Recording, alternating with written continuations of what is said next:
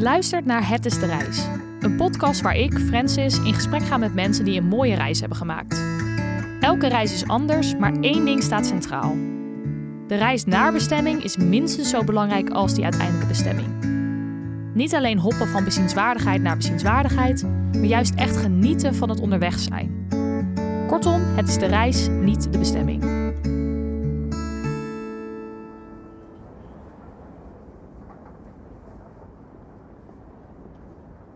Deze aflevering heb ik Sander Groen te gast. Sander is een reisjournalist die reportages schrijft voor veel grote kranten en tijdschriften zoals de Volkskrant, Trouw en National Geographic. Ook heeft hij net een boek uitgebracht genaamd Tussen de Rails, de 35 mooiste treinreizen van Europa. En ik ben groot fan van dit boek omdat je er zowel mooie verhalen als praktische tips in kunt vinden. Zo staat er bijvoorbeeld per land duidelijk uitgelegd welke treinmaatschappijen er rijden en of er bijvoorbeeld nog kortingskaarten te koop zijn. Persoonlijk vind ik dat soms best lastig om te vinden en is het dus heel handig om het zo in één boek gebundeld te hebben.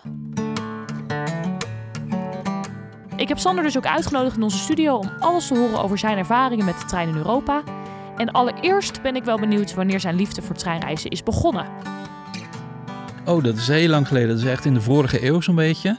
Uh, mijn eerste ervaringen met treinreizen, dat was uh, Tino Tour. Toen Sander nog een klein Sandertje was. Um, de jongere luisteraars die zullen het waarschijnlijk niet kennen, maar uh, de ouderen uh, wel. Dat was vroeger een soort van nationale spoorpas waarmee jongeren van 8 tot 20 jaar um, acht dagen lang door heel Nederland konden trainen Cool. voor 20 gulden. Wauw. Dat was nog in de gulden tijd, jawel. En dat was ook mijn, uh, mijn eerste ervaring met de trein. En um, zoals veel tieners van toen was het een eerste zelfstandige vakantie zonder ouders. Dus ik proefde de vrijheid en zoals iedereen ook ging ik zo snel, zo ver mogelijk uh, en zo lang mogelijk weg. Dus echt van Groningen naar Maastricht en van Den Helder naar Vlissingen uh, en het IJsselmeer over met de veerboot, want daar kreeg je dan korting op en uh, een honky tonky burger eten in de stationsrestauratie, dat soort dingen. Um, ja, dus wel, dus wel nostalgie, jeugd, jeugdnostalgie. Ja. Um, en ja, dat uh, heeft heel veel later, uh, vast forward van mijn tien jaren naar nu, heeft dat geresulteerd in het boek wat ik nu heb gemaakt over de 35 mooiste terreinreizen van Europa. Maar dat zaadje daarvoor werd geplant uh, door Tine Tour. En kan je nog een beetje herinneren wat je toen dacht over treinreizen? Zeg maar, wat, wat trok je erin aan? Uh, ik vind zelf vind ik traagreizen uh, heel erg prettig. We zijn natuurlijk heel erg gewend geraakt aan uh, dat je zo snel mogelijk van A naar B moet komen. En met het vliegtuig gaat het ook heel snel, maar vliegen is heel veel gedoe. je moet eindeloos wachten en inchecken en je uitkleden bij de, bij de security check. En dan urenlang zitten wachten totdat je eindelijk op de bestemming bent. Dus dat is, Ja. dat is een soort van noodzakelijk kwaad om op je vakantieadres te komen. Terwijl het ooit natuurlijk uh, de normaalste zaak van de wereld was. Dat de reis een onderdeel was van, uh, van je vakantie. En uh, dat zijn we een beetje vergeten hoe dat ook weer moet. dus wat ik mooi vind aan treinreizen is dat je reis begint zodra je de deur uitstapt. Ik trek de deur achter me dicht, ik stap in de tram naar Amsterdam Centraal Station. en dan is mijn vakantie al begonnen, want de reis ergens naartoe, die kan net zo mooi zijn als de bestemming, of soms nog wel veel mooier eigenlijk. Ja. Oké, okay, dus daar is inderdaad dat zaadje een beetje geplant. En wat was toen vervolgens de eerste internationale trein die je, die je hebt genomen? Ja, nou, er wordt, um, de, er wordt vaker mij gevraagd naar aanleiding van mijn boek... Uh, wat is nou de meest epische treinreis die je ooit heb gemaakt? En dan kom ik op de meteen ook de eerste, of een van de eerste. Dat is wel maar bijzonder, de, dat de eerste meteen de epischste was. Ja, ja. ja. Ja, nee, ja toevallig. Ik, ik, ik, wist toen ook niet uh, beter. Maar ik heb ooit een, uh, 15 jaar geleden heb ik een reis gemaakt met de Trans-Azië-express van Istanbul naar Teheran. Uh, en dat, die trein die doet er drie dagen en drie nachten over. Uh, voor een afstand die je per vliegtuig in drie uur kan doen. Wow. Ja, maar het is een avontuur op zich. En dat is ook Uh, dat is ook meteen de essentie volgens mij van treinreizen. Dat je in een soort kokon belandt. Dat je uh, uh, in een soort microcosmos belandt waarin tijd er even niet toe doet. Drie dagen lang zit je met dezelfde mensen, hetzelfde personeel en dezelfde me medepassagiers opgescheept, zeg maar. En Ja. die trein die, um, ja, die mini-maatschappij, zeg maar, die beweegt door het landschap. dat elk moment verandert. Um, en uh, ja, dat, heeft, dat werd een prachtig reisverhaal waarmee ik ook meteen een uh, prijs won uh, destijds. Dat verhaal werd gepubliceerd in het AD. En ik won ermee de Aad Persprijs voor het beste reisverhaal van het jaar. En toen dacht ik, nou, dat is mooi, want Wat dan cool. kan ik wel vaker treinreisreportages gaan maken Ja. voor kranten en tijdschriften. maar dat viel een beetje tegen. Ik kwam een beetje van een koude kermis thuis, want als ik het voorstelde bij redacteuren, dan was de reactie vaak stilte. en dan vervolgens, ja, maar waarom zou je dat doen per trein? Want uh, je, met het vliegtuig ben je toch veel sneller. Nou, dat is inmiddels gelukkig met onze kennis van nu over uh, klimaatschade en zo, uh, is dat is die houding wel veranderd. Ja. Godzijdank. Um, dus ik uh, maak nu aan de lopende band terreinreisreportages voor kranten en tijdschriften. En die, uh, ja, een groot deel daarvan heb ik speciaal gemaakt voor het boek ook. een klein deel daarvan kwam, uit, kwam uit voorraad, zeg maar. en die, die, die Trans-Azië-express trouwens, dat is ook de enige, uh, dat is meteen het slechte nieuws, dus ook de enige uh, treinreis in het boek die je op dit moment niet kan maken. Want destijds met uh, corona ging de grens tussen Turkije en Iran dicht. En Ja. daarna ging die eventjes weer rijden, die trein. En vervolgens werd hij weer stilgelegd vanwege onrust in Koerdistan.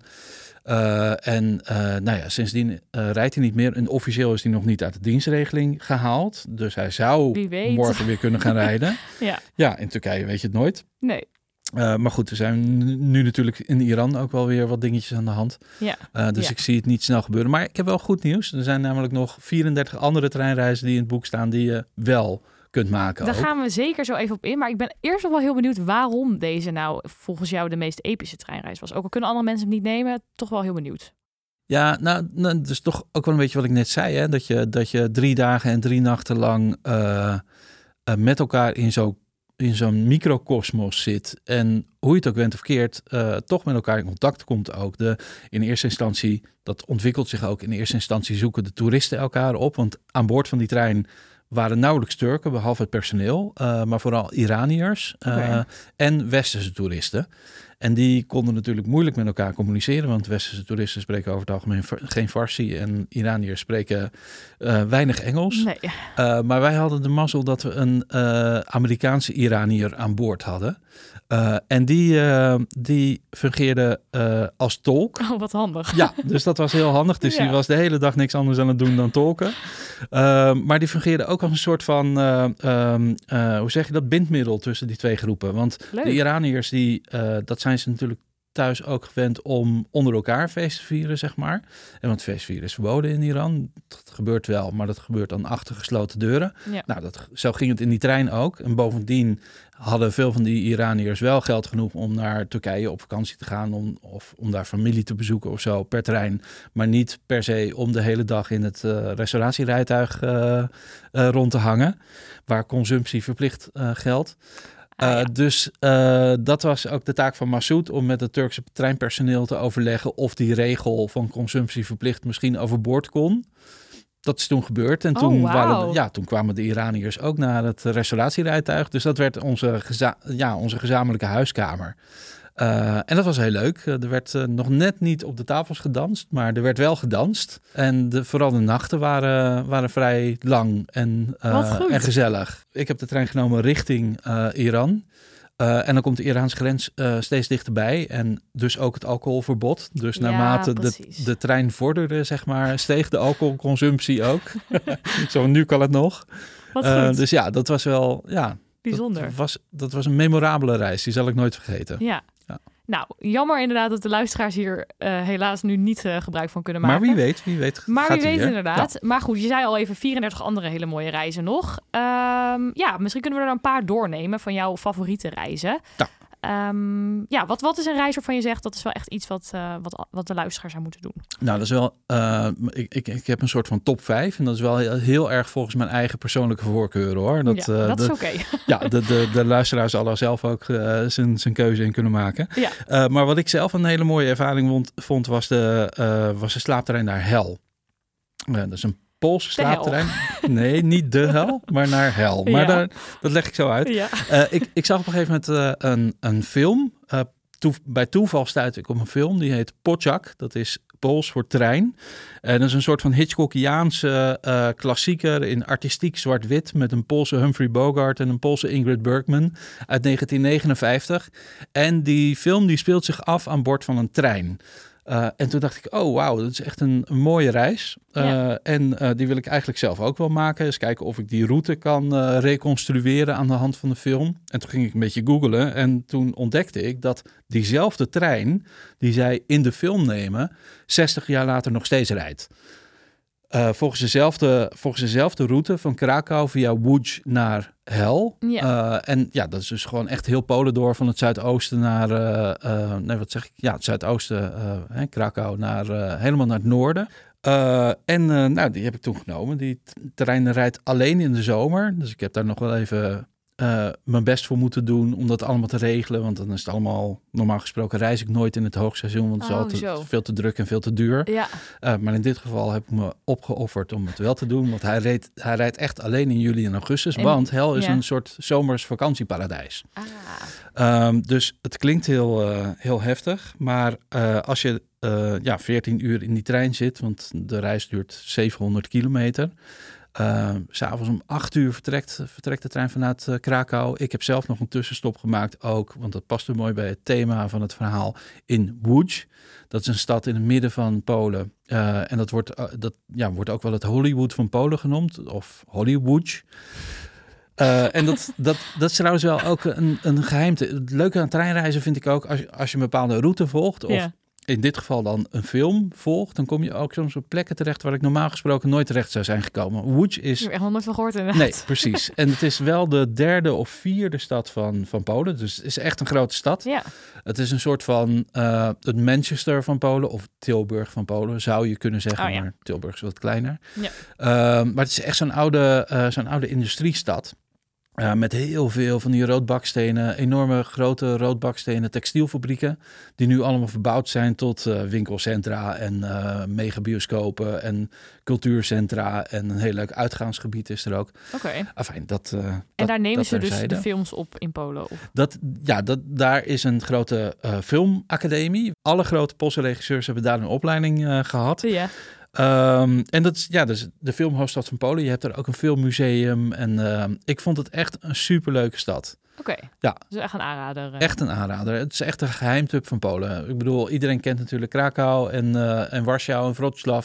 Ja. Ehm, maar ja, er, er is dus nog meer in eh, Polen te beleven. Nou, top. waaronder ook Hel, het eind, de eindbestemming van, van de trein. Want ik had daar nog nooit van gehoord. Dan ben ik ook echt door die film terechtgekomen. Ehm, en ja, het klinkt heel onaangenaam, Hel, maar het is echt superleuk daar. Er is een 35 kilometer lang zandstrand. Er zijn eh, visrestaurants in houten vissershuisjes. Ehm, eh, bos en duin, alle dagen zonneschijn. Eh, het is de plek waar de Polen zelf graag vakantie vieren. En dat, Leuk. Ja. dus nee, dat, dat kan ik van harte aanbevelen.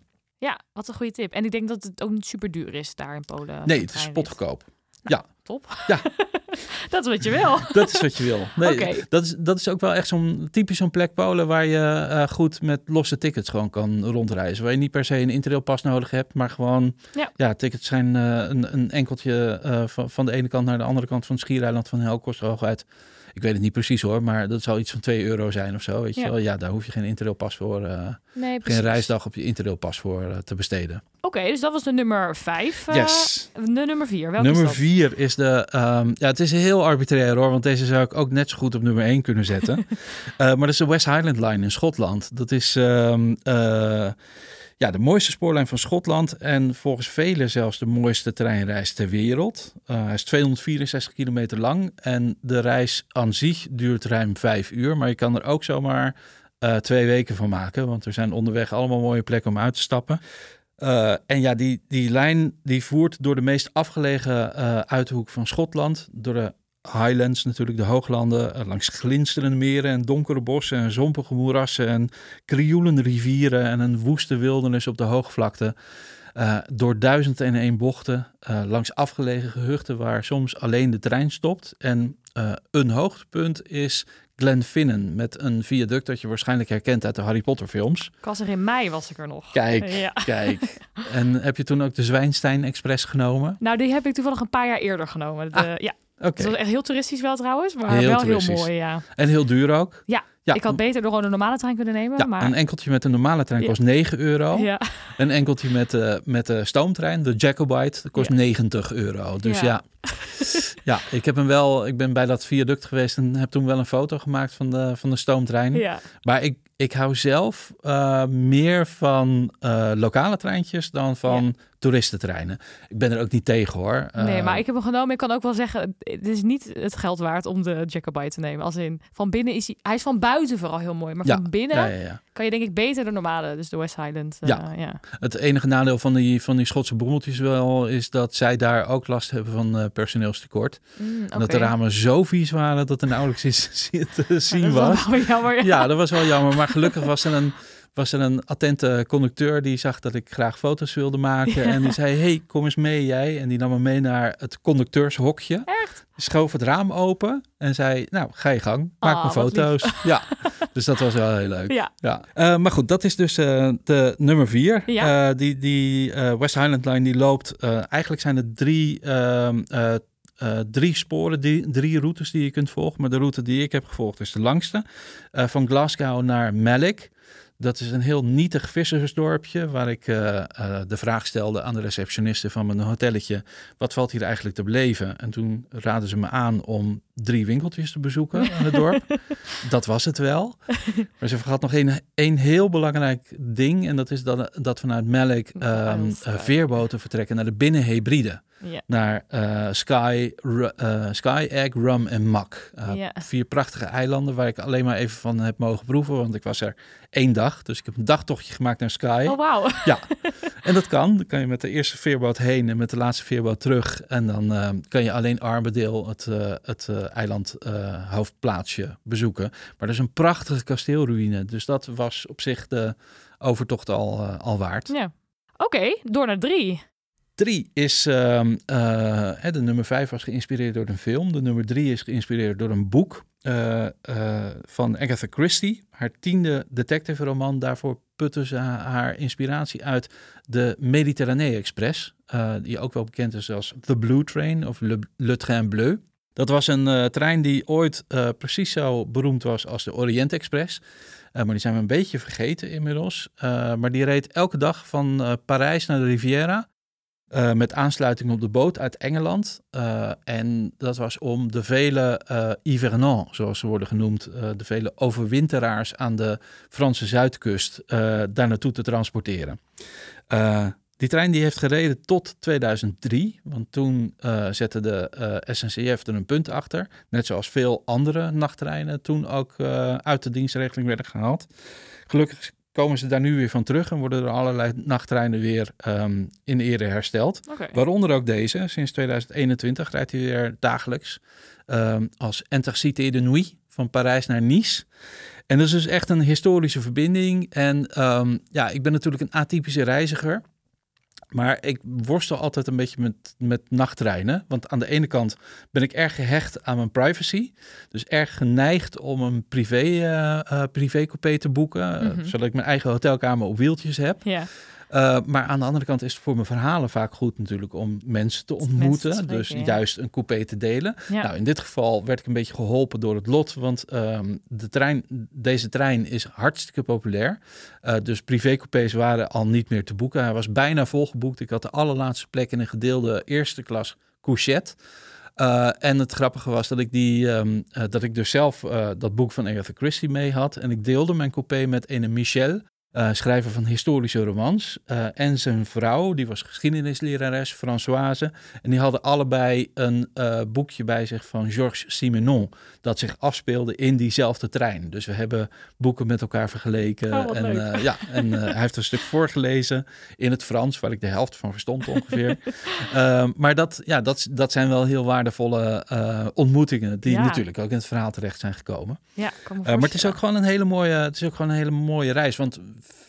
want mensen zeggen vaak tegen mij van, joh, moet je nou wel een nachttrein nemen? Ja, dat wilde Want- ik eigenlijk ook gaan vragen. Ja, precies, want dan zie je toch niks. Ja. Maar die, die nachttrein van Parijs naar Nice is, is het perfecte voorbeeld van hoe dat goed kan. Want eh, ja, dat hele stuk van Parijs tot aan hè, tot, dat, tot Marseille, totdat je richting de kust komt.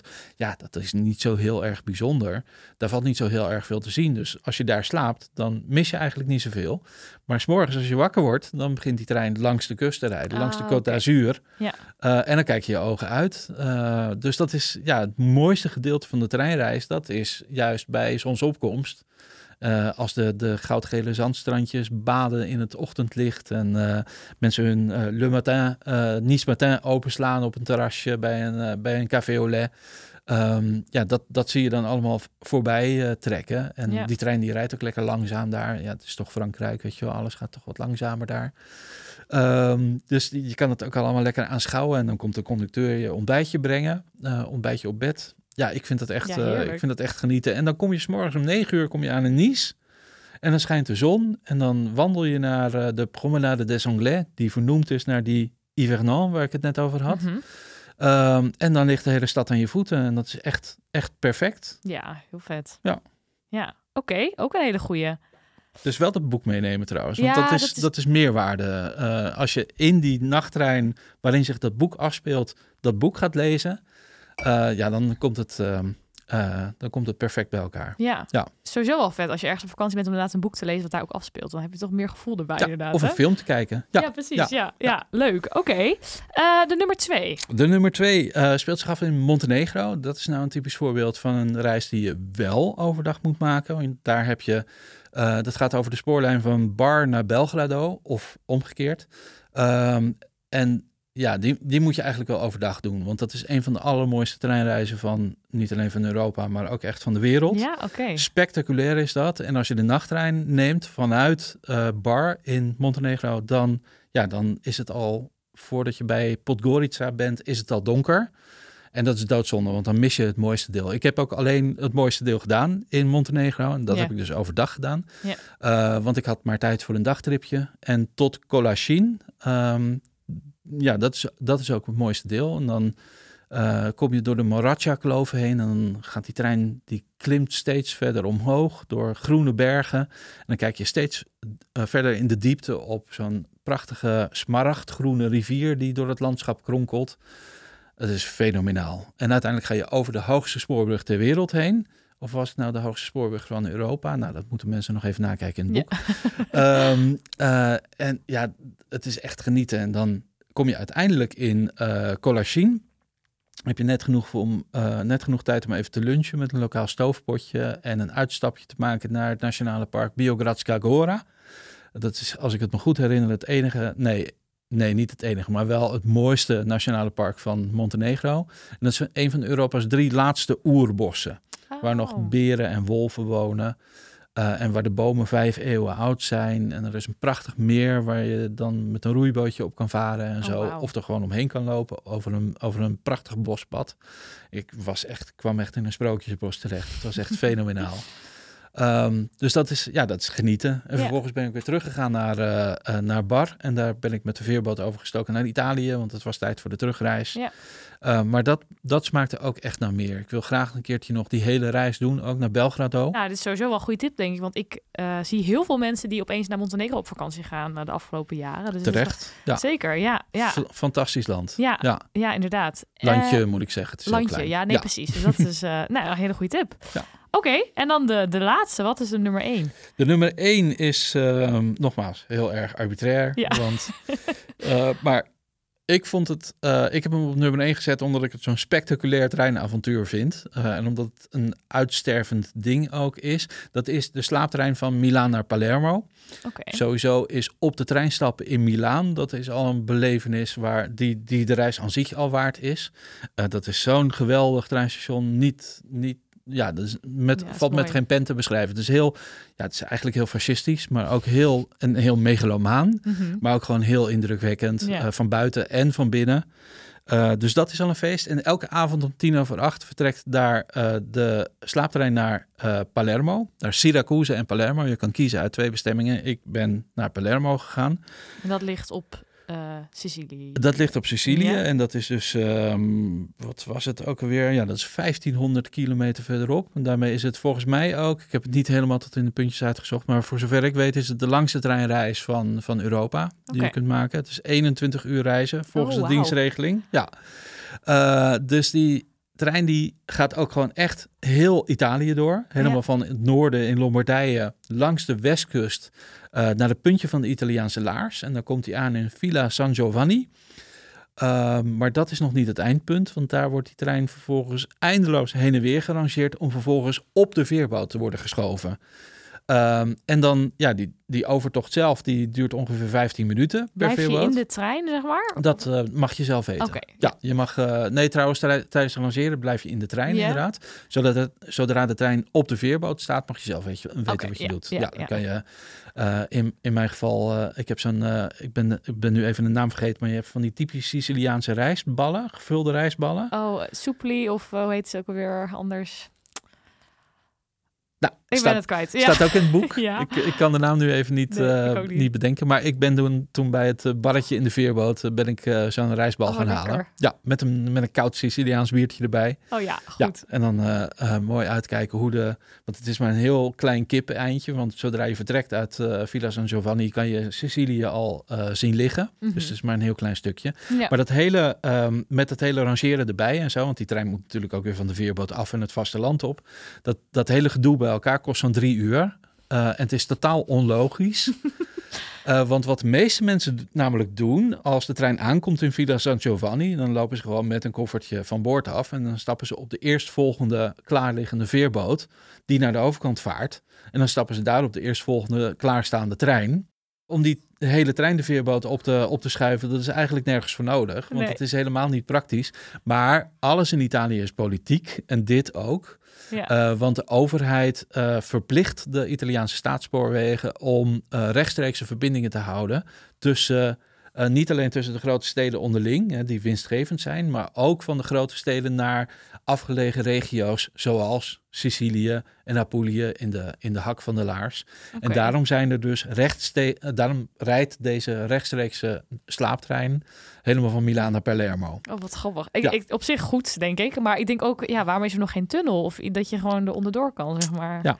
Dat zou Ja. misschien eh, handiger zijn. Dus ja, ook Italië, hè? dat Ja. gaat allemaal niet zo snel Nee, daar. precies. Nee. Maar wel een super bijzondere ervaring. Het is een me. hele bijzondere ervaring. En het is letterlijk ook de laatste spoorpont van Europa. Er waren allerlei andere plekken, ook vooral tussen Duitsland en Scandinavië, waar Oh ja. ook spoorponten voeren. Mhm. Maar ja, daar hebben ze inmiddels ook ontdekt dat het helemaal niet praktisch Nee. is. Die zijn allemaal uit de vaart genomen. Dit is de allerlaatste spoorpont van Europa. En het is, ja, het is gewoon geweldig om mee te maken. En ook die rangeerders bijvoorbeeld, die hebben zelf ook door dat het iets heel bijzonders is. Dus die vinden het hartstikke leuk als je meekijkt hoe dat gebeurt en zo. En als je uit het raampje staat te koekeloeren terwijl je wagon de veerboot op gaat en zo. Weet je wel. Het, is, het is ook echt een heel raar gezicht om zo'n grote veerboot met zo'n opengeklapte eh boeg eh, te zien, waar dan een trein in verdwijnt. Dat is, dat is heel heel raar, maf. ja. Ja, dat is heel maf. Ja, maar leuk om Oh, mee te maken. cool. Ja, echt En- en- tip. Dat is dus ook een nachttrein die je prima eh, kan nemen als je van alles wil zien. Want op de heenreis, het grootste deel van de reis speelt zich overdag af. En op de heenreis eh, doe je het gordijntje open en dan kijk je op de Calabrische rotskust. Ehm, zeg ik dat goed? Ja, dat zeg ik goed. En dan, dan gaat die trein dus de veerboot op. En dan moet hij nog langs de hele noordkust van Sicilië, wat ook prachtig is. Oh ja. Dat is echt genieten. En dan komt hij pas tegen de avond aan in Palermo. En dan kun je dus heel, eh, heel Sicilië ook verkennen. Dat kan ook heel goed per trein. En ehm, ik wilde oorspronkelijk wilde ik dan ehm, met de veerboot terug naar Genua. Om daar vandaan terug per trein naar huis te reizen. Maar ik heb er toch voor gekozen om eh, dezelfde route per trein terug te doen.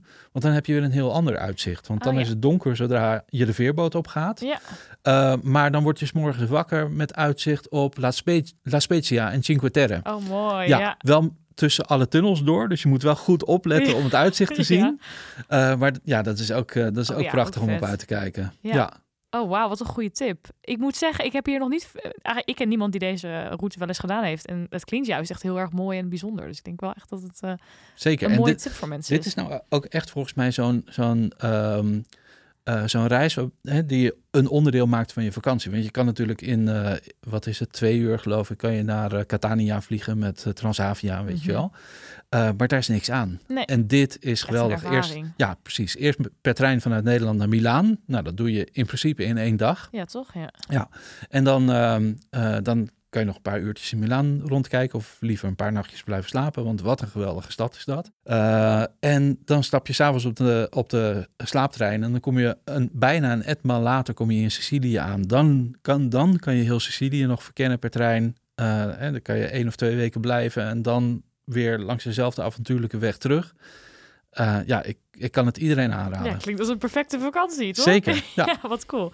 En hoe duur is dan bijvoorbeeld een enkeltje met zo'n soort trein? Uh...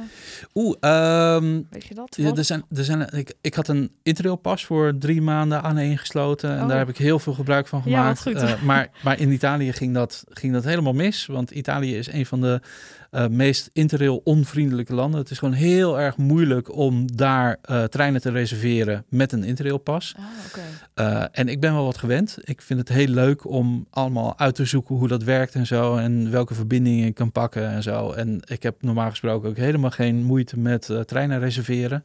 dat gaat me goed af. Maar in dit geval was zo'n gedoe dat ik maar voor gekozen heb om een gewoon kaartje te boeken. Ja. Maar daar, was gelukkig, daar ging gelukkig niet failliet aan. Want als ik het me goed herinner uit mijn hoofd, dan betaalde ik voor de heenreis voor een privé, privé coupé in die slaaptrein uh, eh, 85 euro. En voor de terugreis ook van een privécoupé uh, 95 euro. Oh, Wauw, dat, dus dat is heel goed. Te, ja, dat is heel goed te doen voor je eigen hotelkamer op wieletjes. Precies. Ja. ja, anders ben je geld kwijt aan een hotelovernachting. Precies. En, en een hotel daar mag je smiddags om drie uur pas inchecken. En moet je de volgende ochtend voor tien en meestal weer weg. Ja. Uh, dit, dit hotelkamertje heb ik gewoon tot uh, vijf uur smiddags de volgende dag. Elke aflevering vraag ik mijn gasten of ze nou een nummer of album hebben wat voor hen echt symbool staat voor de reis. Ben je nou benieuwd naar de muziek die mijn gasten noemen? Op Spotify kun je zoeken naar de afspeellijst Het is de reis, niet de bestemming, waar ik alle nummers toevoeg en ook wat eigen favorieten inzet. Ik vraag het ook aan Sander. Er wordt nu veel geklaagd over de staat van internationale treinreizen, dat het allemaal zo'n gedoe is en zo ooit, vanaf 1959, en dat was een Nederlands initiatief, ooit hadden we de Trans-Europe Express. En dat was een internationaal netwerk van sneltreinen tussen 70 Europese hoofdsteden. Wow dat waren speciale diesel-elektrische treinen. Want het probleem met internationale treinen is vaak dat uh, de spoorwegnetten van verschillende landen niet op elkaar zijn afgestemd qua mhm. techniek. Uh, dus dan moeten bijvoorbeeld, hè, zoals je tot nu toe had met de trein naar Berlijn, die moet dan in Bad Bentheim stoppen om van locomotief te wisselen. Ja. Omdat de Nederlandse locomotief niet op het Duitse net kan en andersom. Uh, nou, die diesel-elektrische treinstellen die ondervingen dat, want die konden aan de grens gewoon doorrijden. Uh, en dat was, ja, dat was een perfect netwerk van uh, internationale treinverbindingen tussen alle belangrijke uh, Nederlandse hoofdsteden. en die trein die sprak echt tot de verbeelding, was alleen maar eerste klas ook. Ja, speciaal voor. Ehm, ja, de treinkaartjes waren ook wat duurder, maar het mocht ook wat kosten, want vliegen was toen de tijd ook nog best wel duur. Ja. Nou ja, uiteindelijk heeft die Trans-Europa Express het dus afgelegd tegen uh, lange afstandsbussen en, uh, uh, en budgetvluchten. ja. dus is het opgeheven in, geloof ik, 2003 of zo. Okay. maar die trein die sprak wel heel erg tot de verbeelding. Uh, en bijvoorbeeld ook uh, Kraftwerk, uh, de Duitse ja. krautrock band, ja. die er een heel album aan heeft gewijd. Echt? En een van de nummers die op dat album, dat album heet dus, heet dus Trans-Europa Express. En het nummer wat ik heb uitgekozen en wat ik, ja, wat ik graag ook op mijn koptelefoon heb als ik in de trein zit, is Trans-Europa Express van Kraftwerk. Oké, okay, en dat is dus wel echt rockmuziek? Uh... Nee. Nee? Nee, wat, wat heel, erg, heel erg elektronisch. Ook heel erg elektronisch? Heel okay. erg elektronionisch, ja. Okay. De Kraftwerk is begonnen ooit als krautrock bandje. Ja. Dat was nog heel erg rock, zeg maar. De ja. eerste schreden. Uh, eerst hadden ze ook een andere naam, geloof ik. Maar daarna zijn ze, uh, zijn ze doorgebroken met, met het album Autobaan. En dat was heel erg elektronisch. Ja. Ze, zijn, ja, ze zijn eigenlijk echt de grondleggers van de, van de house muziek die bijvoorbeeld Oh, later ook is ontstaan. Ja, dus daar hebben zij wel echt de basis voor gelegd. Ook in de tijd dat synthesizers bijvoorbeeld nog ja, speciaal gebouwd moesten worden voor muzikanten. Weet Ja. je? Die bestonden gewoon nog niet. Dus eh, ja, op, Oh, wat vet. ja, zowel op technisch als op creatief vlak hebben zij echt eh, eh, de weg bereid voor elektronische muziek van later. Top. Nou, die komt in de afspeellijst. Eh, dat is volgens mij een hele mooie aanvulling. Oké. Nou, dan hebben we de top 5 eh, hebben we, hebben we gehad. En ik heb natuurlijk ook even je boek eh, goed doorgebladerd. En ik vond het ook nog wel heel leuk dat je een eh, top 10 noemde met spoorwegwandelingen. Omdat er dus ook heel veel ja, routes zijn die niet meer in gebruik zijn waar je dan langs kan wandelen. Ehm, kan je er misschien één of twee uitlichten waarvan je zelf zegt van... dit is ja, een heel vette reis, die moet je misschien wel maken. Eentje die mij, eh, een van de mooiste terreinreizen die ik zelf heb gemaakt, eh, vond, ik de, vond ik over de Zuidbaan van Wenen naar Triest. Eh, en die kun je ook helemaal, dat kan je per trein doen, maar die kan je ook helemaal eh, bewandelen, zeg Oh, maar. Langs de hele spoorlijn is een wandelpad uitgestippeld. Ja. Ja. Eh, en een onderdeel van die spoorlijn, van die Zuidbaan, is de Zemmering spoorlijn. Die staat op de UNESCO Werelderfgoedlijst. En vooral dat deel is heel prachtig om te wandelen. En dat heb ik ook een stukje gedaan. En dat beviel, beviel heel goed. Van, ik heb gewandeld van Zemmering naar Breitenstein. En dan kom je langs allemaal mooie uitzichtpunten met, ehm, nou ja, met spectaculaire Alpenpanorama's. En je hebt ook allemaal wat dan in spoorwegjargon kunstwerken heet. Dat zijn bruggen en tunnels en zo. Ja. Nou, de spectaculairste daarvan, die vind je zo'n beetje daar op die plek. Eh, en er is nog een heel schattig, ehm, eh, er is nog een heel schattig privémuseumpje over Carl Ritter von Gega. Dat is de ingenieur, dat was de, de, de hofingenieur zeg maar, van de Habsburgers. Dat Mhm. is de ontwerper van de, eh, eh, van de Zuidbaan en dus ook van de Zemmeringspoorlijn. Ah, Oké. Uh, en die is heel bijzonder. En dat is ook de reden dat hij op de wereld- werelderfgoedlijst staat. Omdat hij ehm, aangelegd, aangelegd is met zo min mogelijk ingrepen in het landschap. En dat is natuurlijk tegenwoordig... Dat, ja, dat je een spoorwegingenieur heeft, hebt die een spoorlijn aanlegt met respect voor het landschap. Dat, dat zie je tegenwoordig niet meer. Nee. Maar dat was toen wel. Ja. En als je dus inderdaad een vakantie wil doen met misschien en het wandelen en het treinen, zou je dus ergens kunnen uitstappen bij een, eh, bij een ehm, halte en dan kunnen lopen naar de volgende en dan weer opstappen. Zeg maar. Ja, het is, eh, wel, wel zaak, denk ik, om eh, van tevoren even te bekijken waar je dat precies Ja. En wat, wat je precies eh, onderweg kan doen ook en zo. Maar het Ja. is allemaal goed aangegeven. En Ja. ja, ja het is een mooie wandeling. En hetzelfde kan je trouwens ook doen met de Bernina, met de Bernina-baan. Eh, daar is een baan Erlebnisweg langs met hetzelfde idee ook. Dat je Mhm. eh, ja, met de trein kan reizen, maar ook eh, te voet langs het spoor kan gaan. wandelen. Ja. Ja. En, dat is op, en waar je het echt, echt op de Bonnefoy kan doen, dat is bijvoorbeeld in Luxemburg. Daar, daar zijn alle stations, daar is sowieso, Luxemburg sowieso geweldig, want daar is het openbaar vervoer gratis. Oh, Dus dat is een Echt? geweldig Dat land om rond te reizen. ja. Ja. Alleen voor de eerste klas betaal je een kleine toeslag, maar, de meeste, eh, maar het is gewoon, anders is het gewoon instappen en wegwezen. Wat goed. En alle, eh, tussen alle stations zijn eh, wandelingen bewegwijzerd door de Luxemburgse spoorwegmaatschappij. Oh ja. Dus je kan gewoon op, om het even op welk station kan je uitstappen en naar het volgende station wandelen. Oh, door goed. de natuur van Luxemburg. heerlijk. dat is te gek. Ja, dat ik heb, zelf, tip. ik heb zelf gewandeld van Geubelsmühle naar Michelot. Eh, dat is dan twee haltes volgens mij, als ik het goed zeg uit mijn hoofd. Maar dan kom, kom je onderweg langs het grootste kasteel van het land, Bourg-Schiet. Eh, en je komt, ehm, eh, het, het, het grappige is ook wel dat die wandeling begint in Geubelsmühle. En dat is een gehucht waar zeven mensen wonen. En waar toch elk uur een trein stopt. Wauw. Maar dat, dat is omdat het zo'n geschikt eh, vertrekpunt is voor wandelingen. Ja, precies. Even kijken hoor. Ehm, laten we nog even afsluiten met misschien wat praktische tips. Dus wat ik zelf merk als ik het ook met mensen om me heen heb, dat ze heel graag willen treinreizen en ook graag zouden willen doen, maar dat ze het soms toch wat moeilijk vinden of niet duidelijk meteen kunnen vinden hoe en wat. En dat ze dan toch denken, weet je, laat maar. Eh, heb jij misschien een tip voor ja, hoe je dat toch een beetje kan aanpakken als je trein wilt vinden en boeken? Ja, het is een heel gedoe. Ik, ik ga het ook niet mooier maken dan het Nee. is. Het, het boeken van een treinreis, eh, een treinrondreis met name, of een treinvakantie, Ja. is gewoon echt heel veel ingewikkelder dan het boeken van een vliegticket. Eh, dat gaat op korte termijn ook niet eh, veel makkelijker worden. Maar persoonlijk zie ik, het, zie ik dat uitzoekwerk, want het is een heel uitzoekwerk, een heel gepriegel en zo. ehm, eh, want je hebt te maken met allemaal verschillende spoorwegmaatschappijen, allemaal verschillende tarieven. Persoonlijk beschouw ik dat als onderdeel van de, uh, van de voorpret. Ik vind het heel erg leuk om dat allemaal uit te zoeken, welke routes je kan nemen en hoe je dan aan de goedkoopste tickets komt. Uh, en ik heb dat ook allemaal uitgezocht. En mijn boek staat daar vol mee. Ja. Want hè, zoals ik zei, het is in eerste instantie een leesboek. Uh, maar er staat bij, elk, uh, bij elke treinreis, die in elke 35 treinreizen, staat er praktische informatie bij. Bij de grotere verhalen staat er ook echt een hele pagina met praktische tips over specifiek die reis. Uh, en achterin het boek staat ook nog een, uh, een 18e bonus hoofdstuk. En dat heet de Treinreisgids Europa. Uh, en daarin geef ik nog veel meer praktische treinreistips. Um, ook waar je tickets kan boeken, wanneer je, hoe lang van tevoren je kan boeken. Um, want dat is ook ingewikkeld. De ene trein kan je drie weken van tevoren boeken, de andere zes maanden van tevoren. Ja. En, en vaak sluit dat helemaal niet op elkaar aan. Dus dat moet je wel goed weten. Um, maar ik denk dat toch mijn. Hè, dus ja, die, al die praktische tips die zijn in het boek te vinden. Dus Ja. ik help de lezer daar een heel eind mee op weg. Maar de allerbelangrijkste tip is volgens mij haast je niet. Uh, en heb een andere mindset dan wanneer je met het vliegtuig op vakantie gaat. Want het is een ander soort reis die je maakt. Um, als je uh, met het vliegtuig op vakantie gaat, vliegen is veel gedoe.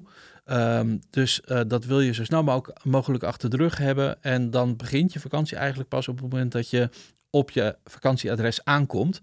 Uh, bij, als je met de trein op vakantie gaat, dan begint de reis zodra je de voordeur achter je dicht trekt. Um, en dat is ook uh, de tip die ik iedereen gevraagd en ongevraagd uh, geef. um, neem de tijd, uh, zak lekker achterover en geniet vooral van de reis. Geef wat meer uit aan extra comfort. Um, vaak is het prijsverschil tussen eerste klas en tweede klas maar heel klein. Maar in de eerste klas heb je gewoon meer ruimte, meer rust. Uh, het is gewoon veel relaxter reizen. Goeie, ja. Uh, als je een slaapterrein neemt, boek lekker een privécoupeetje. Als je dat leuk vindt, dan heb je je eigen hotelkamertje op wieltje, wieltjes. Uh, dat kost wat meer, maar je krijgt er ook veel meer reisgenot voor terug. Ja. Uh, maar dan nog ja, is het allerbelangrijkste dat je, gewoon, dat je je gewoon overgeeft aan het trage ritme van treinreizen. En dat je lekker uit het raam kijkt, met mensen kletst, um, een boek leest of lekker naar het restauratierijtuig gaat om te eten. Ik vind dat speelt ook een belangrijke rol in het boek. Uh, ik, ik, ik vind weinig dingen gelukzaliger dan eten in een rijdende trein. Ik heb dat denk ik nog nooit gedaan in een restauratie. Echt? Nee.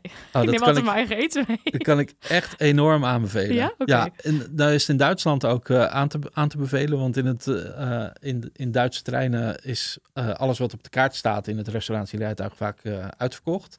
Okay. Maar zeker in... Uh, zeker in Oost-Europese treinen, in Polen, Tsjechië, Slovenië, Slowakije, uh, is het restauratierijtuig gewoon echt spotgoedkoop. Mhm. Mm -hmm. Een halve, halve liter bier voor uh, 1,50 euro of zo, weet je oh, wel, ja. dat soort prijzen. Ja. Of een Wiener Schnitzel voor 3 euro, ja. met friet ook nog. Uh, dus het is spotgoedkoop en het is, het is geweldig leuk, want je, je, daar, daar raak je veel makkelijker met andere mensen in gesprek ook. Ja. En ja, je zit gewoon lekker je schnitzel op te eten met, uh, terwijl buiten het landschap voorbij trekt. Ik kan me niks, uh, ja, ja niks lekker, ontspannenders uh, voorstellen eigenlijk. Ja. maar je kan ook, dat heb ik ook gedaan, in de trein tussen, wat was het, Plymouth en Paddington, Pl Plymouth en London Paddington in oh, Engeland. Ja? daar is een Pullman restauratierijtuig en daar krijg je een drie gangen menu geserveerd op tafeltjes keurig gedekt met gesteven linnen. Drie gangen menu voor 45 euro, echt van Michelin sterren kwaliteit. Uh, en dat, ja, dan denk je van, nou, dat is heel duur, maar het is echt geweldig eten. En het is een fantastische chique ervaring. En dat in een normale lijntrein dat van A naar cool, B. Ja. ja, dat is echt, oh, dat is ook nog wel ja, echt een goede tip. Echt een aanrader. Als Ja. je nog ooit nog eens een keer uh, die kant op gaat met de, met de slaaptrein uh, van uh, Londen naar Penzance, die staat ook in het boek. Ja. Dan kan, dan gezien, kan ik je aanraden om overdag terug te reizen en dan in het Pullman restauratierijtuig te Oeh, gaan goede zitten. tip. Ja.